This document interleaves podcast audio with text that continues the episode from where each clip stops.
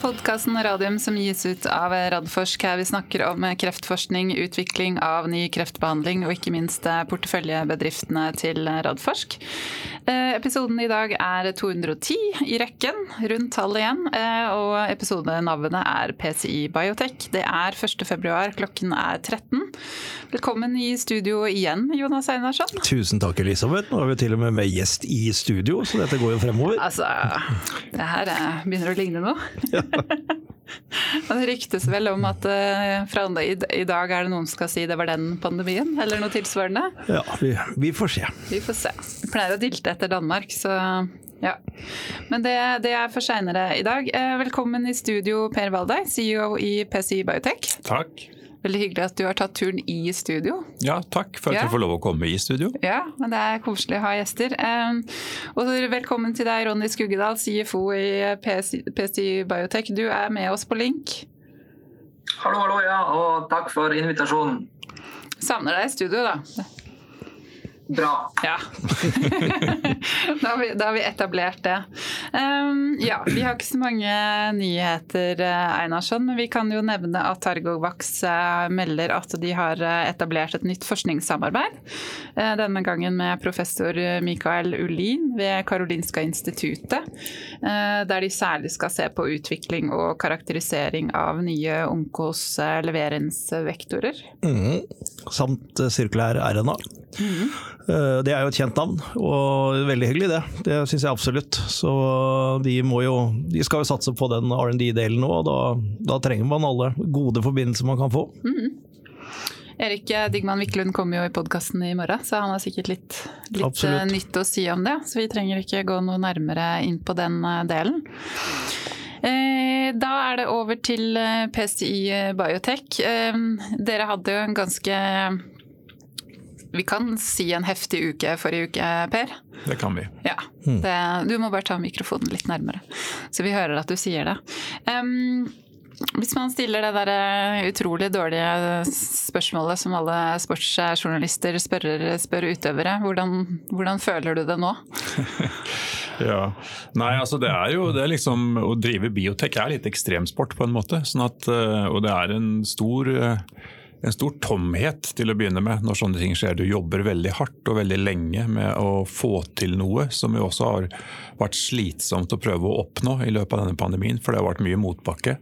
Og så kommer dette her etterpå, så det er, en, det er absolutt en, en, tomhet. Men så må man prøve å riste av seg dette og, og se fremover. Eh, og vi har to andre eh, ben å stå på, i tillegg til Fimakem.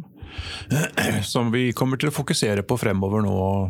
Og, prøve å få ut det beste ut av. Det har lovende resultater både i klinikk og preklinikk med, med de, så det er det vi satser på fremover. Mm. Kan komme mer tilbake til det. Jeg må spørre deg det samme spørsmålet, Ronny. Ja, nei, eh, For egen del så har det vært å fokusere på arbeidsoppgaver. Og mindre på eh, følelser og ta inn over seg de emosjonelle tilbakemeldingene som man får. Men eh, motivasjonen er på topp for å yte videre for PCI Biotek og, og aksjonærene. Eh, og, og, sørge for at PCI Biotek produserer nye resultater fremover. Det høres eh, bra ut. Jeg tenker at eh, vi eh, begynner med at du kan ta oss gjennom, ja, Per, hva som ledet fram til den altså, åpenbart vanskelige beslutningen om å stanse release-studien. Ja, det skal jeg gjøre. Det var ikke en vanskelig beslutning, men det var en det var ikke en vanskelig logisk beslutning, men det var en emosjonelt vanskelig beslutning, kan vi si. Det er det er jo sånn når man driver i, i pharma og biotech at det er eh, parallellutviklinger som pågår, og man må prøve å ha god oversikt over competitor-situasjonen. Eh, og den monitorerte jo vi grundig gjennom hele løpet av release.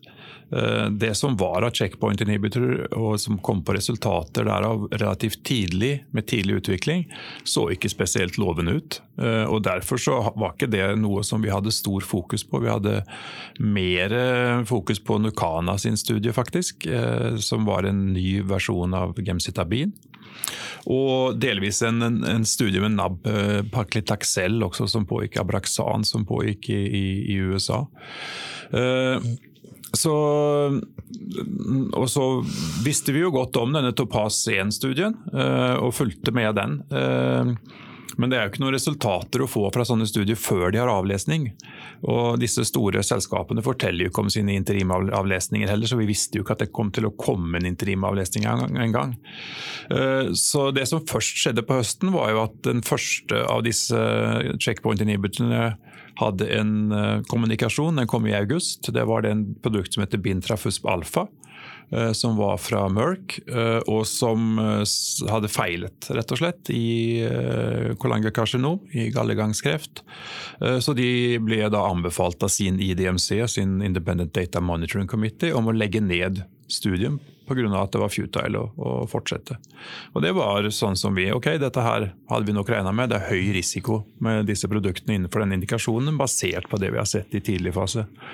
Og så Et par måneder etterpå så kom Topaz da med motsatt og sa at de har clinically meaningful uh, results og statistically significant results på både PFS og overall survival. Men, og det, så Da ble vi jo selvfølgelig litt sånn ekstra oppmerksomme på ok, her har de fått til noe, men hva er det egentlig de har fått til? Dette er tre forskjellige eh, pasientpopulasjoner. Det ene er galleblærekreft. Det andre er det som heter heter egentlig, Man kan si nesten at det er fire forskjellige populasjoner. Og så er det det som heter intrahepatisk, eller eh, gallegangskreft i leveren. Og så er det det som heter ekstrahepatisk, som man også deler inn igjen mellom perihilar og distal, for å være litt teknisk. Eh, og mye av de produktene som har kommet på markedet i det siste, de er jo um, sånne targeted products mot mutasjoner. Uh, og de er mutasjoner som primært finnes, nesten utelukkende finnes i intrahepatisk, altså inni lever. Og det er jo ikke vår populasjon. Så den ekstrahepatiske populasjonen som vi retta oss mot, den hadde ikke sett noen gode resultater i det siste. Og det fantes heller ingen gode indikasjoner på at det kom til å få det med checkpoint inhibitors. Så vi var jo veldig spente på hva er egentlig resultatene i subpopulasjoner, for det har stor betydning for oss. Mm. Dette var tre forskjellige, minst tre, kanskje til og med fire forskjellige sykdommer eh, som man har eh, sett på. Men de resultatene får vi jo ikke før de presenterer dem. Og så sa de at de kom til å presentere dette på ASKO. Og så kom resultater i form av en abstract eh, noen dager før selve presentasjonen. Da kom de ut med hvor stor effekt det var på median overall survival, og den var ikke spesielt stor. Så da begynte vi å lure på hva er disse resultatene egentlig. Her, her ligger det noe, og det er kanskje typiske checkpoint-resultater. At det er en subpopulasjon. Og når de først responderer, så responderer de lenge. Og da får du en hale som er veldig mm. annerledes i Kaplan-Meier-kurven. Eh, overlevelseskurven, liksom. Eh, og så kom resultatene på, i, i, full skala, nesten, full skala da, eller i, i, på subpopulasjoner på selve presentasjonen, som var fredag nærmere midnatt eh, norsk tid. Eh, og da viste det seg at galleblærepopulasjonen var den som responderte dårligst på denne checkpoint inhibitoren. Mens da intrahepatisk og ekstrahepatisk, altså de gallegangskreftene som var inni leveren og utafor leveren, de responderte på akkurat samme måte. De hadde en, en, en, hazard ratio, som det heter. da, Altså en, en, risk, en for, fordel i forhold til det risikoen for å dø med det, på ca. 24% tror jeg det var. Eh, og Det viser seg da, når man ser på disse resultatene over lang tid, eh, at de 24 måneder etter at de har startet behandlingen, så er det 2,5 ganger flere som lever i de som har fått denne checkpoint inhibitor, enn de som ikke har fått den. Eh, og det er jo Altså Hvis jeg var en pasient eh, med denne sykdommen, så ville jeg ha krevd å få den behandlingen. Mm. Uh, fordi at eh, det, det gir en, en Det er ikke en majoritet av pasientene som får fordel av det, men de som får fordel av det, de får fordel av det veldig lenge. Mm. Uh, og det vi da gjorde var at Vi satte opp møter med våre eksperter både i USA og Europa. og Hadde møter med dem på mandagen og innkalte til et ekstraordinært styremøte på mandagskveld.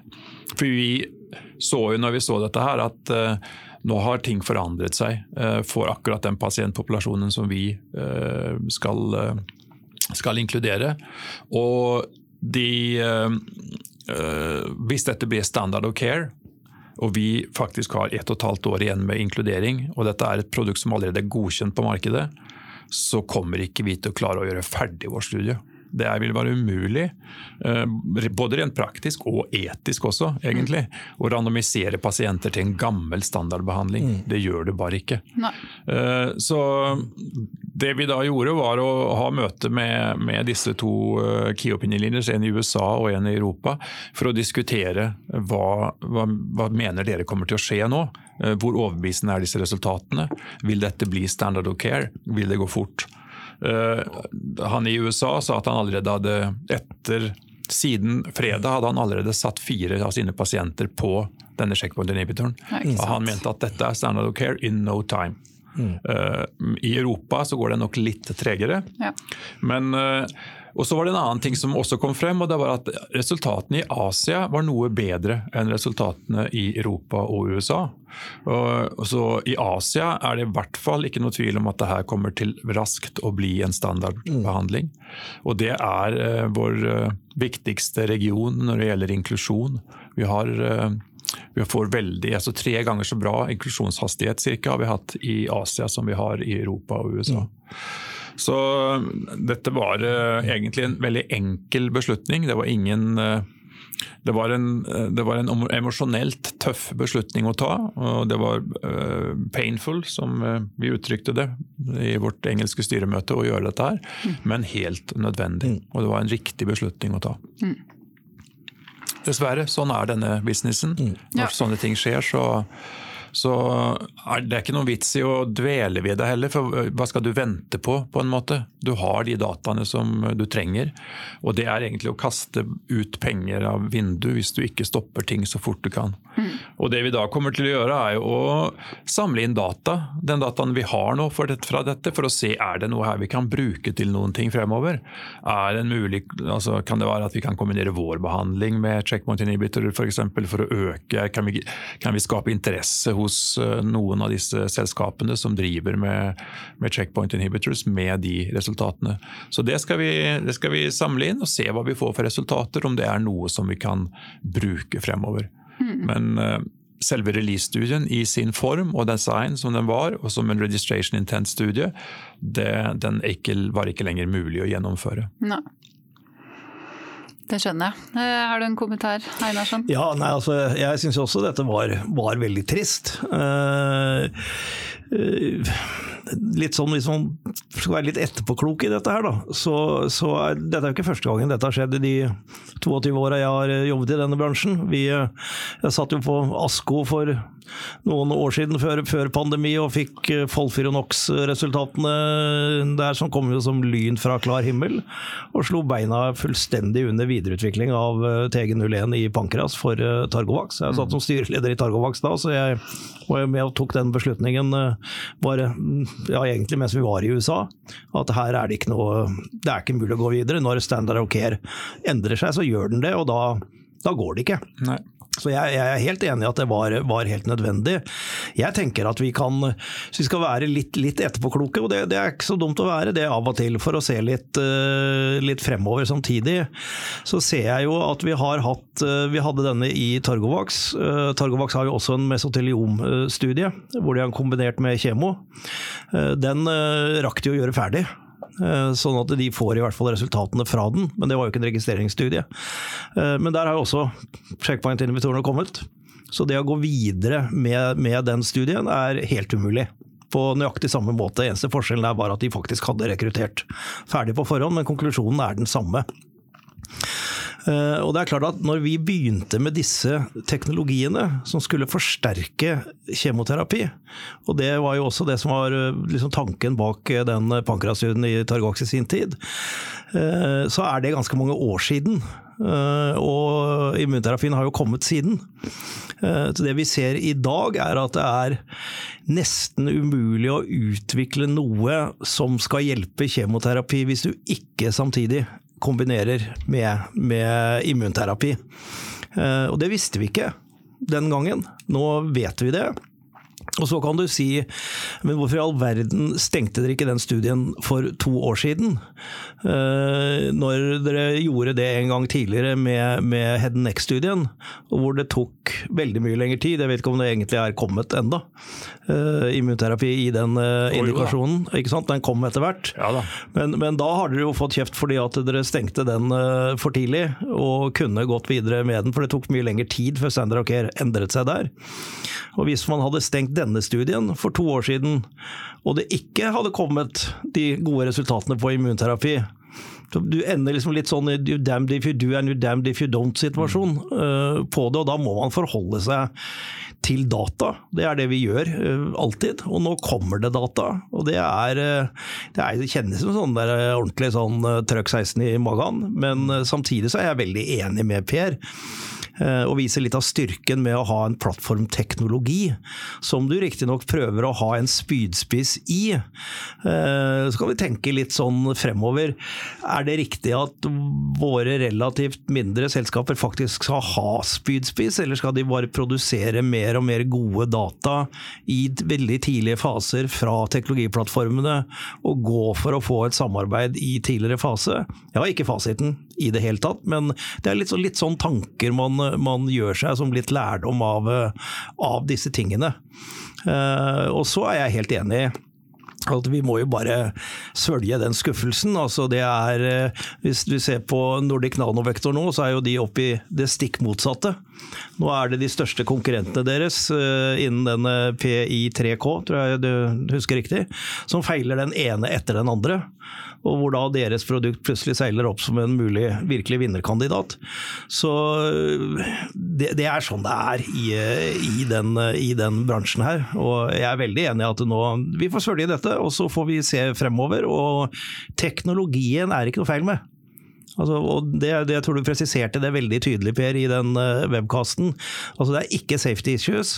Det er ikke noen signaler så langt på noe dårlig effekt. Og det er klart at det å vise at teknologien faktisk fungerer Sånn sett er jeg veldig glad for å høre at dere virkelig skal samle inn og bruke, og forhåpentligvis også publisere data fra disse hva er det, noen og 40 pasienter. Ja. Eh, så, som, som, da er dog en studie, randomisert studie med noen og 40 pasienter. Mm. Eh, og det er ikke, og Hvis de dataene er gode, så er det eh, noe man kan bruke videre for å vise at teknologien faktisk fungerer. Og så, ja, jeg er enig, jeg. altså disse checkpoint-inhibitorselskapene er jo alle disse store big pharma-selskapene som alle kaster seg over de samme indikasjonene.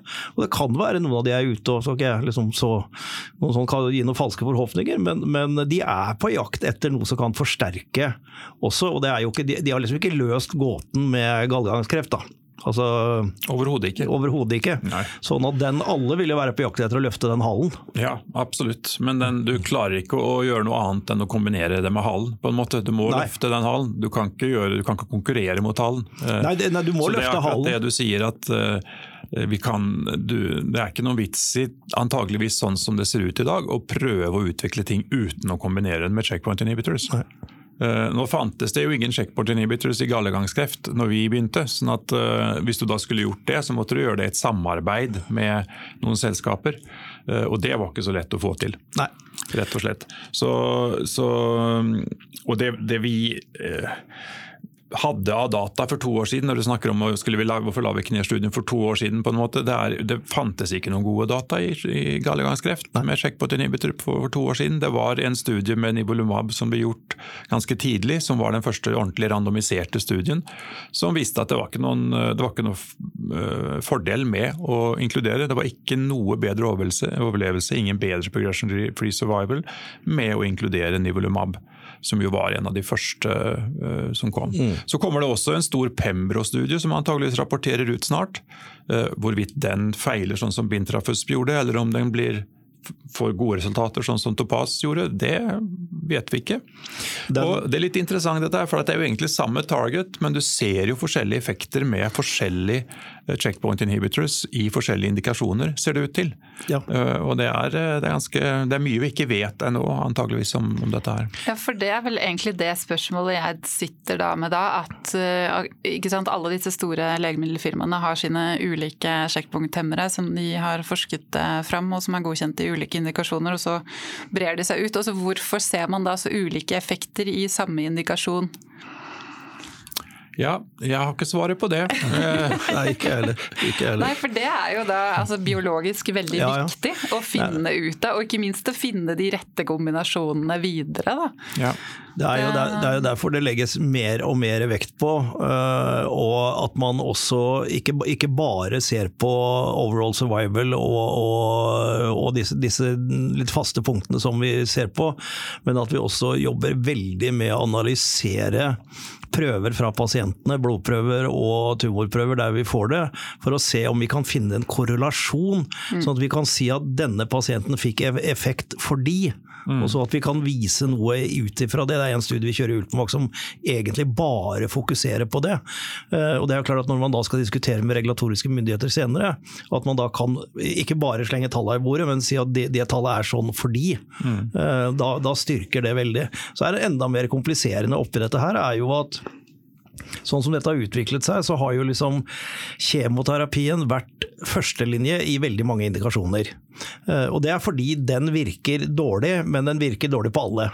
Sånn at du, du, får en viss effekt, og du, noen steder er du på jakt etter at tumor skal bli mindre, sånn at den er lettere å operere. F.eks. i brystkreft gjør de jo det med den trippel negative, i hvert fall. At de kjører ganske hardt med, med kjemoterapi først, før de går over på mål, mer målretta mm. medisiner, avhengig av hvilke mutasjoner de har. Uh, og så, så da starter jo immunterapien gjerne i siste linje sånn som det har gjort.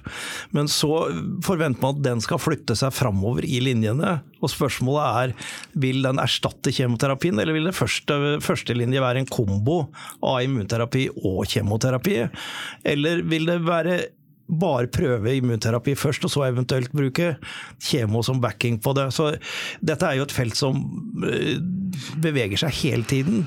Det er store utfordringen vår er å klare å se såpass mange år inn i krystallkula.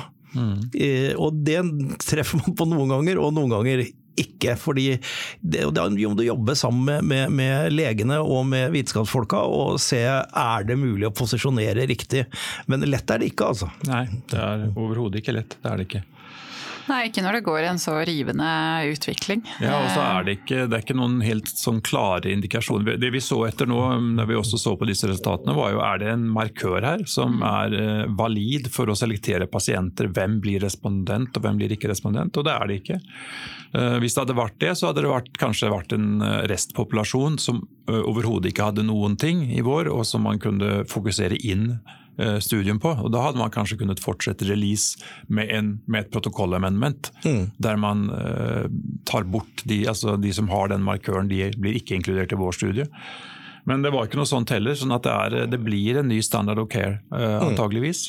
Og da, da, er det ikke mulig å fortsette for oss. Nei.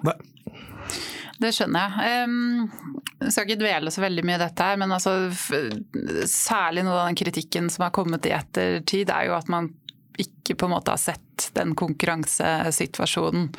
Eh, og det var så noen nevnte at det, på Tech Investor så har det jo gått en diskusjon rundt denne Topaz-scenen, men sånn som jeg skjønner deg, så, så lenge man ikke har sett dataene, så kunne man ikke vite Nei, altså Hva skal vi gjøre da? Skal vi si at vi tror Her finnes det en konkurrent som kan hende kan få gode resultater og kan hende uh, kommer før oss. Uh, og Derfor så stopper vi studien. Mm. Det, er, det, er, jo ikke en, altså, Man må jo tenke litt på Det er lett å være etterpåklok i disse tingene. Det er viktig å være etterpåklok mm. for å lære for fremtiden. Men det, det, er lett å være etterpåklok og kritisere beslutninger som er på en måte tatt eller ikke tatt. Men man må prøve å se dem i den konteksten som de var i på den tiden. Og Hvis vi hadde gått ut og sagt at uh, det finnes en checkpoint inhibitor-behandling som er på vei, eh, og de har hatt veldig dårlige resultater i tidlige studier, men vi frykter dem likevel, og derfor stopper vi studien. Da tror jeg var, folk har bare sittet og rista på hodet og lurt på hva vi drev med for noe tullerier. Ja, jeg, er, jeg er enig i det. Jeg får kjeft for at jeg flepper litt med ting i disse sendingene også når det er alvorlig, men jeg, jeg må innrømme at jeg tenker litt på Karpe sin. Det er, det er lett å være rebell i kjellerleiligheten din. Veldig, ja, det veldig lett å være klok på andres, eh, andres vegne. Mm. Nei, jeg syns du har redegjort eh, godt for eh, hva som ledet opp til den beslutningen. Så det tenker jeg kan vi heller se litt, se litt framover. Fordi dere er jo et plattformselskap, og dere har jo kommet langt med to andre teknologier, altså Fimavac og Fimanac, og lengst da med, med Fimavac. Og det er vel særlig det dere kommer til å, å fokusere på, på, videre også, ikke sant? Ja, det er det absolutt. Mm. Og så sa du vel når dere hadde det den gjennomgangen forrige tirsdag at dere vet jo ikke helt hvordan dere skal gå videre. eller sånn, Men hva, hva, kan du si om det per i dag, eller kan du si noe om tidslinjer? Jeg tenker jo at aksjonærene Når man nå skal se framover, så trenger de hva skal vi se framover etter? Ja, og jeg håper vi kan komme tilbake til eh, relativt mye av dette her i Q4-presentasjonen. Eh, vi gikk jo gjennom det på Q3 en del. Hva er det vi faktisk tenker oss å gjøre med, med denne teknologien? Eh, og ga ut relativt mye detaljer egentlig der. Det som er viktig for meg, er at vi ikke går ut med ting før vi har spikra dem helt. For jeg vil ikke at vi skal gå ut og si ting, og så må vi gå tilbake og si at nei, det ble ikke sånn likevel. Mm. Vi hadde ikke... Så at vi, vi, vi går igjennom uh, alt og sikrer oss alt på, på, en god måte før vi kommuniserer det ut. Mm. Uh, når det er sagt, så har vi vel allerede fortalt at vi har etablert en, en det vi kaller for en clinical core group for, eh, for en proof of concept-studie med Fimavac. Vi har eh, selektert en indikasjon som vi nok kommer til å kunne gå ut med relativt raskt. Eh, og det er svært gode klinikere som er interessert i å være med og støtte oss i en sånn studie. Og kanskje vi kan komme ut litt mer med rundt hva denne clinical core gruppen består av osv. Mm. Uh, og så får vi Så er vi jo i gang med å lage produktet. Uh, vi har jo en vaksineteknologi, vi har ikke vaksinen i utgangspunktet, så den må vi lage. Men siden vi har patenter på hele teknologien, så kan vi ta ting som ikke er patentert, og som har vist seg å ha god effekt i den populasjonen som vi har, og putte det inn i en god kombinasjon i vår teknologi. Eh, og forhåpentligvis ha et unikt og eh, i hvert fall et patentbeskyttet produkt som vi kan utvikle videre. Så Det er det som er intensjonen med Firmavac. og Der har vi stor tro på, på, på det, vi, det vi gjør akkurat nå. Det høres veldig spennende ut. Jeg merker jeg har tusen oppfølgingsspørsmål, men du kommer sikkert bare til å si ingen kommentar. Nei, altså jeg vil ikke gå ut med mer enn det jeg er sikker på at jeg er, er helt riktig i denne fasen. Nei, vi, vi, jobber mye med produktet nå, samtidig som vi jobber med denne clinical core-gruppen for å etablere hvordan skal studiedesignet være. Eh, hvor går vi inn i denne indikasjonen, hva er target population osv. Så, videre. så er, eh, vi får komme tilbake til mer detaljer når, når vi er sikre på at vi har detaljene på klarlagt og riktige. Mm. Men kan, men kan, man se for seg at man starter en eh, ny klinisk studie i løpet av dette året, altså 2022? Det vil være avhengig av eh, hvor lang tid det tar, vil være avhengig av hvor lang tid det tar å gjøre et ferdig et såkalt GMP-produkt. Altså ja. et produkt som er av en kvalitet, sånn at det kan injiseres inn i mennesker. Mm. Uh, og Det er vel det som på en måte er det tidskritiske nå, å få dette produktet på plass. Mm. Uh, og det er det vi jobber intenst med. Eh, og har jobbet intenst med siden i høst. Eh, men eh, vi får, vi får, se. Vi får komme tilbake til tidslinjene etter hvert. Mm. Du kan jo minne både meg og lytterne på Q4 når datoen er igjen. Det er den 18. februar. 18. februar. Det er bra. Da skal vi huske det. Midt i, er det midt i vinterferien? Eh, er det det? Ja, og du får Nei. eh, Nei, sier Ronny. Ronny har barn på vinterferiealder, sånn at eh, han vet når det er. Nettopp. Ja, det er veldig bra. Jeg har også det. Men, eh, og jeg har til og med bursdag som alltid pleier å være midt i, midt i vinterferien. Men det er bra. Da, da skal vi klokke, klokke dere inn den 18., for det høres ut som vi har mye, mye spennende å fortelle. Men det var, det var jo da Fima VAK. Hva med Fima NAK? Fima NAK snakket vi også en del om på Q3. eh, og der har vi jo, Det har vi hatt som en mer sånn opportunistisk eh, del av plattformen. Eh, Som vi sier, dette er et ypperlig verktøy for å levere inn nukleinsyrer i en del vev og for en del applikasjoner. eh, Og vært åpne til å ha samarbeid med forskjellige selskaper. Og vi hadde jo et langt samarbeid med AstraZeneca som vi har diskutert her mange ganger. Mm. Som dessverre ikke førte til noe, men som har gitt oss veldig gode resultater, og som vi bruker nå for å ta dette videre. Eh, og den, eh, Det vi fortalte om i høst, var at eh, vi nå spisser denne litt mer, istedenfor å ha den som en rent opportunistisk bit, som andre selskaper som utvikler nukleinsyreterapier kan teste ut og se om de kan bruke. Så utvikler vi nå selv applikasjoner det vi mener at vi har våre største styrker. Og, og, og de, det er et mer aktivt internt utviklingsprogram. Og nå som eh, et ben i hvert fall har blitt korta ned ganske kraftig. Eh, Foreløpig så føles det nokså ustødig, eh, dette Fima Kem-benet. Så kommer vi til å legge mer ressurser selvfølgelig inn i, i både Fimavac og Fimanak og løfte dette her på en, eh, på en eh, Fimanak-benet også, på en større måte. Men der er det der, eh, det som vi nok har sett etter hvert som vi har for vi har, ikke, vi har vært et selskap som, som har hatt det mer som et opportunistisk ben, fordi at vi har ikke hatt ressurser virkelig til å løfte det ordentlig. Men nå som vi er i den situasjonen vi nå er, med de to benene igjen, så kommer det til å være en, applikasjon- en utvikling av applikasjoner. Eh, Istedenfor å bare være en teknologi som kan testes for bruk. Mm. Så det blir en mer sånn spisset strategi, rett og slett. Og så har man det jo da, som du sier, dere må jo gå ut med Fima-Kjem-studien og, og skal samle inn data der. Og der kan det jo også være mulig, muligheter fremdeles. Absolutt, Ja. det kan det absolutt være. Med en være. eventuell kombinasjon med, Det med være, ja, det vil være veldig avhengig av hvordan de resultatene ser ut. Hva vi Ja. kan få ut av Det er ikke en stor randomisert studie. Eh, Så vi får se hva vi får ut av resultater. Jeg vil ikke love for mye ut av det her og nå, men vi skal i hvert fall gå inn og analysere dem og se hva som ligger der, og se om det er noe vi kan få ut av det. Disse Har du en tidshorisont eh, der? Altså de, det som er litt eh, trist med hele denne historien, her er jo at vi har jo slitt veldig med rekruttering gjennom pandemien. eh, og har jobbet intenst. Ansatt en del nye folk også nå i sommer. En ny prosjektleder bl.a. som har ledet eh, det arbeidet. Eh, og, prøvde jo også med en del nye regulatoriske grep som dessverre ikke førte frem. Fordi at myndighetene syns ikke at tiden var moden nok for det. Eh, men det vi klarte å få til etter mye intens jobbing, også delvis antageligvis for at det etter hvert ble mer omikron og mindre sykehusinnleggelser og mer rett posit- altså positive tester med mindre sykehusinnleggelser eh, og mindre belastet helsevesen, var at vi fikk eh, opp rekrutteringen i fjerde kvartal. Eh, Og vi hadde i løpet av den siste perioden veldig god rekruttering inn av pasienter opp mot det ambisiøse målet vi hadde satt oss.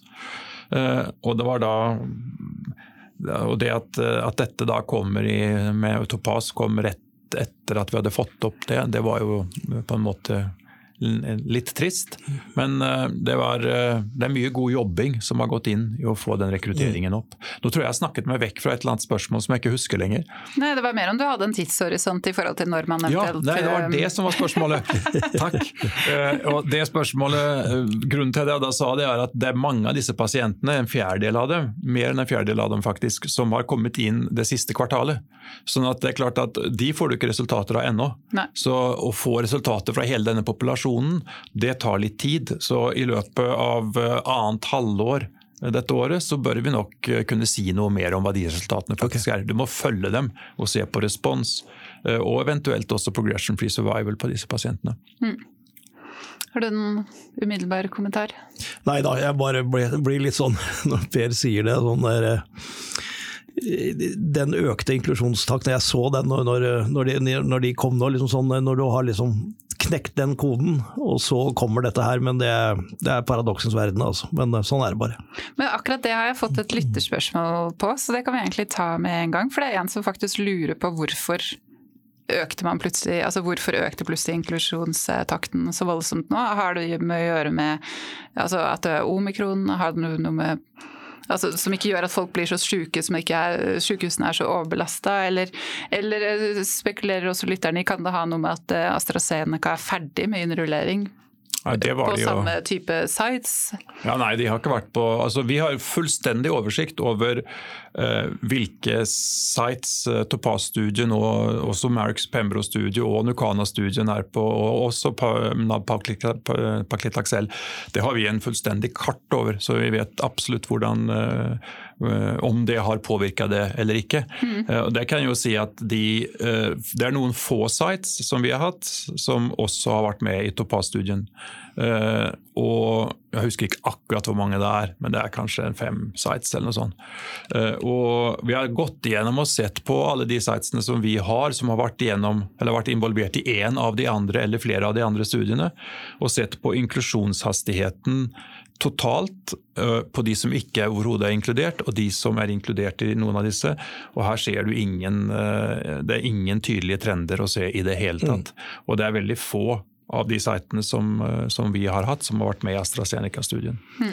Det er jo egentlig for meg beroligende å høre, for jeg hadde liksom håpa nettopp det at den økte inklusjonshastigheten er faktisk at det er lettere å inkludere pasienter i denne type studier nå. Jeg tror det. Uh, og det, Vi har jo ikke sett resultater fra noen av de andre selskapene ennå, så det, har vi jo ikke fått bekrefta. Men uh, det kan jo gi et lønnlig håp da, om at det faktisk er sånn at det, det har løsna litt. Og så tror vi jo selv, da, at, uh, og, og, la oss nå få lov til å tro det, at, at den enorme innsatsen som har vært gjort av organisasjonen Absolutt. i høst, for det har, vært, har virkelig stått på, altså, har hatt en effekt her. Mm. For det har vært investigator calls med forskjellige sites hver eneste uke, opptil flere.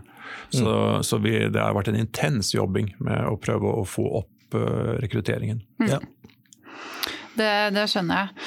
Um, jeg ser også at det er noen som er ute og kommenterer at de syns det er veldig bra at dere nå har dette skiftet i, i strategien eh, deres. Um, og så Jeg la også merke til at eh, Hans Petter Bøhn, som er styreleder hos dere, han sa jo det på sin sluttbemerkning eh, forrige uke når dere hadde webkasten, at altså, Release har vært en tung studie ikke sant? gjennom pandemien å få inn. Og så har dere hatt dette utfordringen med kontrollarmen, ikke sant? ikke mm. minst. Hvor det er mm. veldig vanskelig å rekruttere. Så nå har dere jo plutselig da altså, mye mer finansielle muskler, men også mye mer muskler altså, internt i form av kompetanse og ansatte som kan på en måte virkelig gå, gå veien videre. Hva, hva, tenker du rundt det? Ja, altså Dette frigjør jo ressurser. Det er det ikke noe tvil om. Eh, det gjør det absolutt.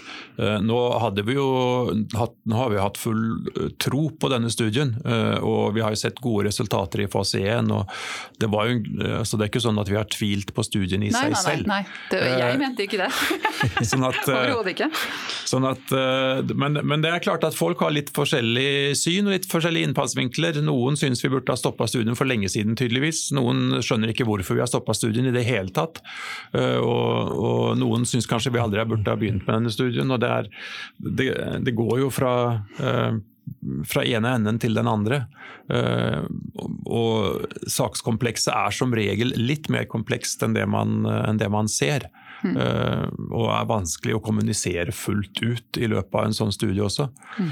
Men uh, det er helt riktig at det har vært et tungt løp og dra gjennom pandemien. Mm. Vi fikk jo, når du jobber og setter opp en sånn studie som er et stort arbeid, og det kommer en pandemi som fullstendig bare setter en bremsekloss rett foran hele det toget som du har begynt å dra i gang, så er det, det er en jobb, øh, og det er en krevende jobb å dra gjennom den studien og få den til å fungere. Uh, og så begynte det jo nå å løsne. Da.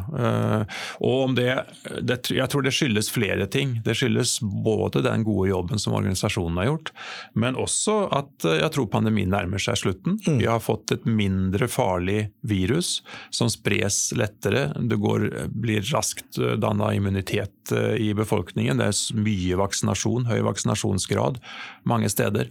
Så det er mange, mange faktorer tror jeg, som spiller inn i dette her. Mm. Veldig bra. Eh, Ronny, vi må ha med deg også. Um, eh, det her var jo noe du var innom på webkasten, og som du fikk litt eh, spørsmål om også fra, fra innringere der. Men eh, den finansielle situasjonen nå framover, hva, hva, kan du si om, si om den? Vi, hvis vi prøver å ta fakta først, da, så sa vi at uh, ved årsslutt så hadde vi ca. 115 millioner i banken. Og vi har tidligere kommunisert en finansiell runway inn i fjerde kvartal 2022, altså i år. Nå når release er stoppa og vi planlegger en mindre Fimavac-studie, så vil jo den studien være mindre kostnadskrevende enn release. Så i det ligger det jo at vi vil forlenge vår runway nå inn i 2023. Mm. Men det er jo også noen ukjente her, og det er release-avslutninga. Hvor mye kommer det til å koste? Det vet vi ikke i dag. Som Per har sagt tidligere, mye innrullering på slutten av eh, studien, og disse pasientene skal ha behandling opp til seks måneder. Så frem mot sommeren så blir det jo en nedtrapping i kostnadene, men uh, hvor mye, det vet vi ikke ennå. Dette er jo et samarbeid med CRO-en også. Mm. Men uh, fokuset vårt nå er jo en, en kostnadseffektiv stopp av studiet. studien. Så uh, utfallet av Eller hvor mye ressurser som må settes av til avslutning av release, det må vi få lov å komme tilbake til. Mm. Og så ber jeg også om forståelse for at så lenge vi ikke presenterer planene for Fimavac, så er det vanskelig å si noe om kostnadsbildet også. Men oppsummert så har vi en runway inn i 2023. Og så får vi komme tilbake til eh, detaljer. Mm. Kan jeg lese deg der at dere da kommer tilbake med, med detaljer på nettopp den biten også på, på Q4 18.2? Det kommer an på hva Per har å si i den uh, Q4-presentasjon. Ja. Det er ikke lenge til eh, Q4, det er et par Nei, uker. Det er et stort er arbeid som skal kartlegges så... sammen med CRO-en. Mm. Det koster også noe. Altså, det er en sånn cost-benefit-vurdering av eh, hvor lenge skal man følge pasienter. For så lenge du følger pasientene for en del ting, så må du holde sitene åpne. Og så holde sitene åpne koster mye penger. Mm. Uh, og vi ønsker jo å få så mye data som mulig ut av release-studien. Sånn at eh, Der er det en avveining som må gjøres. så Det er et eh, godt stykke arbeid som må gjøres samarbeid med CRO og internt i evalueringen, mm. som vil bestemme hvordan det koster å, å få release avslutta. Og så, og så øh, tror jeg vi skal ikke forvente for mye kostnadsinformasjon rundt Fima-VAC på Q4. Det er for kort tid til at vi tror jeg kan komme med mange detaljer der. Mm. Altså. Men det er veldig greit. Så da er det sånn som det ligger nå, så er det i hvert fall midler ut, eh, ut i 2023. Ja. Det er det. Ja. Og så kommer Også, man tilbake Akkurat hvor lenge ut i 2023, det får vi se når vi har klart, klarlagt detaljene litt mer. Ja. Det, ja, men det er bra. Vi er, vi er tilfreds med det. det må, siden, vi, siden, jeg snakker med deg nå, eller vi har det snakket med deg nå, Ronny, så må jeg ta et sånn lyttespørsmål. Det er jo litt sånn retroperspektivt. Altså, veldig mange av de lytterspørsmålene som har kommet inn nå, er jo litt sånn retroperspektiv. Hvor mye har vi dekket gjennom praten med Per? Så jeg kommer ikke til å gå gjennom de, de slavisk, men takker som vanlig for eh, interessen og for spørsmålene. Men altså, spørs, eh, det er en lytter som lurer på hvorfor dere ikke hentet penger våren sommeren 2020. Da hadde dere hatt muligheten til å sette en emisjon på god kurs. Ja. Ehm, jeg tror at situasjonen i 2020 var at vi ønska å eh, få rekrutteringen på plass. Få såkalt visibilitet over tidslinja og eh, kapitalbehovet. Dette for å sikre oss at vi skal unngå å eventuelt komme ut i markedet flere runder. For uh, at man ikke hadde den visibiliteten man trengte på tidslinje for å, å estimere kapitalbehovet også. Og på den måten sikre uh, lead-asseten som var release, uh, tilfredsstillende med én emisjon. Og Økt rekruttering var jo hele tida målet, og det vil jo styrke caset også gi muligheter for en vellykka, eh, vellykka emisjon. Og det er ikke sikkert at appetitten der ute var så veldig stor med, for en, en, studie med veldig lav historisk rekruttering. Pågående pandemi og stor usikkerhet rundt tidslinje og endelig kapitalbehov. Så um, det kan hende at innringeren har, har, rett at vi hadde fått til en, en god kurs, men jeg er ikke sikker. Eh, men eh, det paradoksale er jo her da som både Jonas har kommentert og som Per sier, at nå på slutten så fikk vi rekrutteringen på plass. Eh, og det var kanskje mer til rette for en, eh, en kapitalinnhenting på dette tidspunktet enn en tidligere. Og så skal man heller ikke glemme det arbeidet vi gjorde rundt den eksterne kontrollarmen, som kunne ha gitt et kjempeløft for release eh, seint på høsten i fjor. Mm. Og oppi dette her så sier vi jo òg at det er ikke bare emisjonen som er kapitalmarkedet som er selskapets kilder til eh, ressurser. Vi har også offentlige tilskudd og, og, og partnering. Og Asia var jo alltid et uh, kommunisert fokusområde for release. Og den uh, interessen og interaksjonene som vi har hatt rundt uh, release, har jo også blitt fulgt opp og vært veid opp mot, mot emisjon. Og så nå når release er avslutta og Topaz-resultatene kom, så ble det jo en, en tilbakemelding om at uh, videre interaksjon ikke er av interesse. Sånn at uh, vi har hatt flere muligheter underveis som har blitt vurdert. Mm. Det er jo sånn at du eh, Det er alltid lett å se bakover og se hvordan ting har utviklet seg, men når man sitter i en, tids, i en tid og skal se fremover eh, og spå hva, hva skjer i fremtiden, så, så, er det helt annerledes. I våren 2020 så satte vi med en studie som hadde stoppa helt opp. Mm. Uh, vi visste ikke hvor lenge pandemien varte. Vi regna med at den ikke kom til å vare så lenge, og at vi kom til å få opp denne hastigheten ganske bra igjen. Uh, men der tok vi jammen feil. Eh, men var, vi var nok ikke alene om å ta feil på, på akkurat det. Så er det, altså skal være ydmyk for at det, er sikkert ting som kunne ha vært gjort på en, på en, bedre måte. Eh, men det er alltid lett å se hva som kunne vært gjort på en bedre måte når man sitter og skuer bakover. Det er fryktelig mye vanskeligere når man sitter og skuer fremover. Mm. Jeg kan jo bare kommentere på generell basis. Så dette er jo I alle selskapene så er jo dette en løpende vurdering. Det er kontakt med investorer, det er kontakt med, med markedet. Eh, det er ikke minst kontakt med spesialinvestorer, hvordan de ser fremover. Vi har jo løpende kontakt med våre rådgivere i bankene osv. Og så skal du prøve å time disse emisjonene riktig.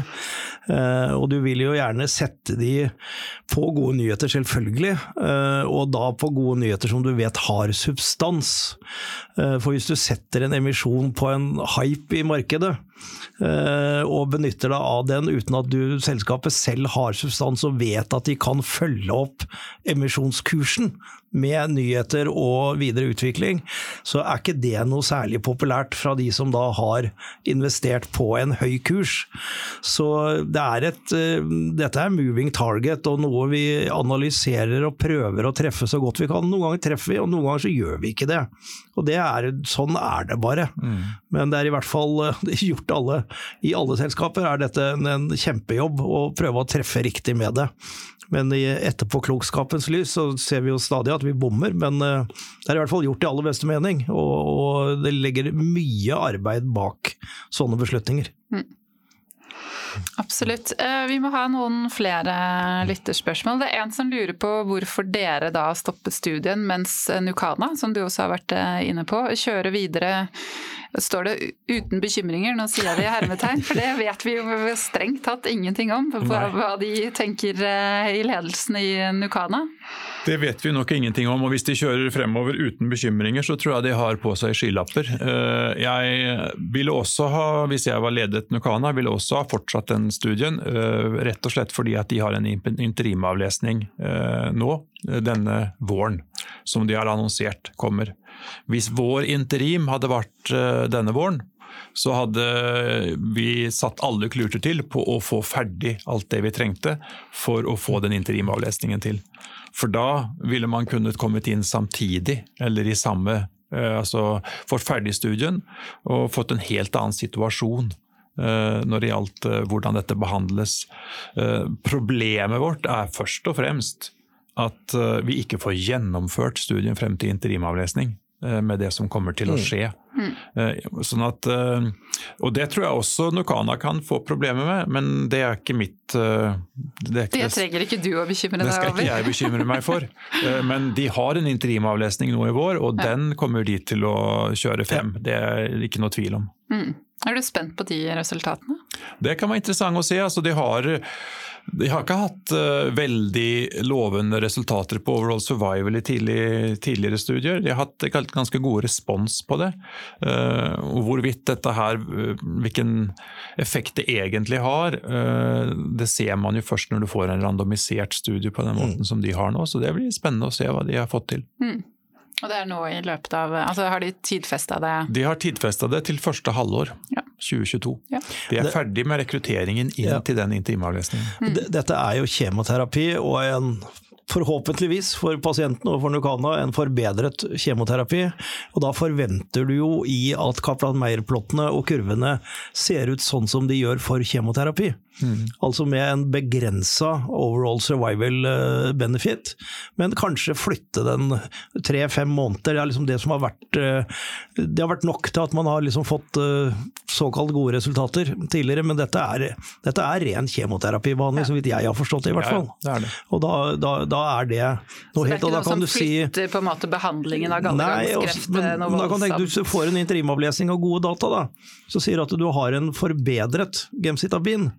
Og hvis standard of care blir gemcitabin, cisplatin pluss immunterapi, ja, da kan det kanskje være interessant, da. Mm. Uh, og legge til den forbedrede uh, gemcitabinen i en videre studie med, med, immunterapi. Så, og jeg er veldig enig med Per, det, det, visste jeg faktisk ikke, så det er nytt for meg at de, den interimavlesningen sitter såpass uh, nære. Uh, og da har jeg full forståelse for at de gjør det. Kommer gemcitabin eventuelt forbedret til fortsatt ha en plass uh, videre. Det er jo et eldgammelt produkt, mm. og det er du vet, Hvis du får en, en eh, kreftdiagnose og blir satt på den type behandlinger som gemcistabin og cisplatin, så vet du at du strengt tatt ikke ikke har noe som funker noe særlig. Uh, så veldig usikker på hvordan det går videre, altså. Mm. Uh, ja, uh, så er det noen som lurer på om det med at dere valgte å ikke på en måte um, avsløre rekrutteringsstatusene ved Q, Q, altså de ulike kvartalsrapporteringene. At uh, Kunne det hatt, hatt noen implikasjon i forhold til den avgjørelsen som kom nå? Altså det, det som ligger i spørsmålet, hvis jeg tolker det riktig, er at hvis man hadde gått ut med, med, tallene og sett hvor uh, sakte det gikk i, i, PCI, men samtidig hvor kjapp rekrutteringen var i Topaz. Jeg vet ikke om den var kjapp, det er da lytterens, uh, lytterens påstand. Hadde man da uh, tidligere hatt en, kunne hatt en diskusjon, kanskje til og med med aksjonærene, i forhold til om det hadde vært riktigere å avslutte release-studien tidligere? Uh Svaret mitt på det er vel nei. Eh, altså, hovedgrunnen her er jo at eh, det, det, lå ikke opp til at checkpoint inhibitors skulle være noe spesielt bra eh, ut fra de tidlige kliniske resultatene. om de så rekrutterer fort fordi at det er et enormt stort selskap som har masse sites som de setter opp og legger mye ressurser bak det eh, så, så, er ikke det en grunn i seg selv. Dersom du mener at det er liten sannsynlighet for at de kommer til å lykkes, og at vi har et godt produkt. Og vi mm. hadde stor tro på de resultatene og de dataene vi hadde, og det produktet vi satt med innenfor den indikasjonen. Så jeg syns det blir en, eh, det, det er en litt sånn rar spørsmålsstilling, og da gå inn og begynne å snakke med investorene om vi skal stoppe et produkt pga. en konkurrent som vi ikke har noe tro på kommer til å få gode resultater, øh, men de rekrutterer bra. Det, er, det blir veldig teoretisk mm. å begynne å tenke på det i sånne baner. Ja. Rett og slett. Mm. Eh, så har vi også fått inn flere spørsmål som rett og slett går på om, om du er egna som eh, CEO eh, videre. Sånn, hva, da spør du meg, eller? Ja, jeg må nesten spørre deg. jeg kan godt spørre Jonas om han kan kommentere også. Men, eh, ja, det er, men det er jo bare et altså Det er de diskusjonene som, som går nå. Så jeg tenker at da kan man like gjerne ta inn den elefanten i rommet. Ja, ja. Altså, det er helt greit for meg å, å, å, diskutere det. Jeg mener jo selv at jeg er regna uh, til å ha denne jobben. Jeg har uh, en, en, lang erfaring innenfor dette området og kjenner PCI-teknologien godt. har uh, fått frem en organisasjon som fungerer veldig bra. Så har vi hatt en del marginer mot oss. Og så går det vel mer sånn på Eh, sentiment i markedet og emosjonelle ting, egentlig, enn rene logiske uh, vurderinger uh, og sånne ting, som, mm. som, jo ikke jeg skal gi meg inn på. Det er et styre som beslutter om de har tillit til meg eller ikke. Mm. og det er aksjonærene som velger hvem som sitter i styret. og det er sånn verden fungerer. Mm. Du kan kommentere. Det, det, nei, men altså, det er helt riktig. Jeg eh, får jo stadig spørsmål rundt, eh, rundt, både styrer og ledelse i selskapene. Jeg sier at i de selskapene jeg sitter i styret i, så er jeg absolutt en formening om eh, CEO-en. Det er liksom Vår jobb er egentlig bare å ansette og avsette eh, CEO-er. Det er viktigste jobben, pluss strategi for selskapet. Mm -hmm. Og jeg har i hvert fall 100% tillit til de CEO-ene i de selskapene jeg jobber i, inntil den dagen jeg ikke har det lenger. Og sånn er denne verden. Og det er helt riktig som Per sier. Der vi ikke sitter i styret, i Radforsk, der har vi alle muligheter til å påvirke, enten vi sitter i valgkomiteer eller snakker med valgkomiteer, og sette sammen de styrene vi mener er riktig. Men der stopper der, der, stopper ballen. Mm. Eh, det er styrene som, eh, som jobber med det. Ja. Det tror jeg er veldig viktig. Og, så kan man mene hva man vil som privatperson eller investor i selskapet om hvilken jobb Per og Ronny har gjort, men det får være ens egen private mening. Mm. Um, siste, siste, spørsmål det går rett og slett på om um, hvorfor skal vi ha tro på, på PCI framover? Så nå kan du ta Pitchen? Nå kan du ta pitchen. Kan ja. vi innsalget? Ja, ja, vi har Nei, vært altså, innom det. Ja, vi har vært innom det. Og det er jo fordi at vi har en teknologi som eh, jeg tror mange har sett på resultatene, at vi har en teknologi som virker. Den er litt annerledes teknologi, for den innebærer en device. Men, eh, og, og, det er lys, og det er liksom ikke det som er standard innenfor uh, helseteknologi eller helsefarmautvikling.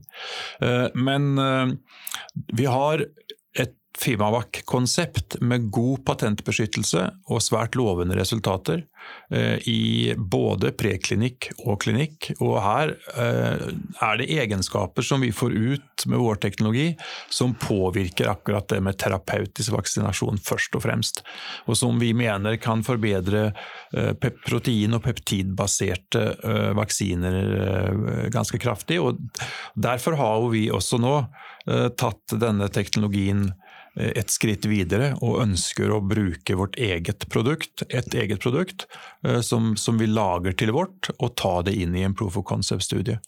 Eh, og Der har vi en stor healthy volunteer-studie som viser at de immunresponsene de har vi translatert fra dyr til menneske. Så, så, der har vi noe som jeg syns er et, et, svært lovende konsept, rett og slett. Og så er vi innenfor et annet område som jo også er i vinden. Vaksinasjonen er jo absolutt i, i vinden, ikke minst i disse pandemitider. Eh, det, er, det, det, finnes jo både motstandere og eh, Tilhengere. Ja, og tilhengere. Heldigvis flere tilhengere enn motstandere. Eh, såkalte vaksineskeptikere, som jeg aldri er helt Jeg vil kalle det vitenskapsskeptikere istedenfor vaksineskeptikere. Når folk ikke tror på fakta og ja. science, så er de rett og slett vitenskaps- eller faktaskeptikere. Eh, men eh, det andre området, som, som jo også er et område i kraftig bevegelse, er det med nukleinsyreterapier. Som jo har mange forskjellige produkter som utvikles, og det vi har vist svært gode resultater med å levere inn. Altså, problemet med mange av disse her er å levere dem inn tilstrekkelig i cellene. Og Her kommer det stadig vekk nye ting. Det var nevnt i dag sirkulært RNA for mm. som også er en ny, veldig spennende modalitet, fordi den kan øke livslengden en del på, på, på RNA, eh, som har et problem med at det brytes ned ganske fort når det kommer inn. Eh, og som har en del andre egenskaper som er veldig spennende også. Og så har du mRNA, som jo allerede nå har vist seg å fungere godt som vaksinasjon innenfor profylaktisk vaksinasjon, selv om det har hatt en del bivirkninger som vi ikke skal legge for mye vekt på, men det er, eh, det er noen bivirkninger med det. Vi har også sett uh, Uh, mye god uh, vitenskap ut fra det med, med Vaxibody f.eks., mm. som jo har et DNA som også er nukleinsyrer, uh, basert vaksine. og Det skjer jo også mye innenfor interferens-RNA og en del andre områder med nukleinsyrer, så her er det et spennende område der leveringsløsningene langt fra er satt. Det er opptil flere konferanser i året som handler bare om delivery mm. om nukleinsyrer, mm. og hvordan få dem inn i celler. Mm. Uh, og Her mener jeg at vi har et konsept som vi kommer til å satse mer på fremover nå, på å utvikle ferdige applikasjoner som kan lisensieres ut på en enklere måte enn å ha et mer opportunistisk uh, ben. Mm. Så det var mitt uh, mitt innsalg på det området. Veldig bra. Har du noe å tilføye innsalget, Ronny? Høyt motiverte ansatte for å levere for eh, aksjonærene. Og en svært god organisasjon, vil jeg si. Mm. Det, er en, eh, det, er en, organisasjon som fungerer veldig godt, og veldig kompetente medarbeidere. Mm. Einarsson? Det er veldig, veldig, bra og veldig spennende. Uh, og er, jeg er helt enig, nå har vi liksom gått veldig nøye igjennom og, og tatt uh, litt inn, innover oss og svølja skuffelsen her. Og da, da, må det være lov til å, å se litt uh, fremover. Og, og, se som Per sier, og jeg er veldig enig med Per, at det er en, en frapperende og spennende teknologi. og ikke minst pandemien har jo liksom brakt fram av mRNA, som du sier Per, og hele det feltet feltet. Så at det ligger et mulighetsrom her, det, det tror jeg på, og, og, tror det er mulig. Og det siste du sa, Per, var liksom sånn at da er det kanskje muligheten å gjøre forskjellige typer tidligere lisensavtaler. Og det er jo det som kjennetegner et vellykket teknologiplattformselskap, er jo at de faktisk er i stand til å gjøre det, i motsetning til når du har et produkt. For da lisensierer du ut det produktet, har du lisensiert ut det produktet. Og hvis er, det er det du har i selskapet, da har du egentlig solgt selskapet. Mens teknologiplattform og det du nevnte, Vaxibod, eller Nycode, som det heter nå. Eller ny kode, som ny jeg kode på norsk, ja. insisterer på. en ny kode, ja. Eh, de har jo vist at det er fullt mulig, så hvorfor ikke? Mm. Og det, vil jo også muliggjøre en, eh, en fin inntektskilde også. Mm. Så bra. Tusen takk for at dere kom eh, og var med oss i podkasten igjen, Ronny på link og Per her i studio. Og så ser vi fram til 18. Eh, februar. Det gjør vi. Mer nyheter. Ja, takk for invitasjonen. Flott. Takk for i dag. Takk.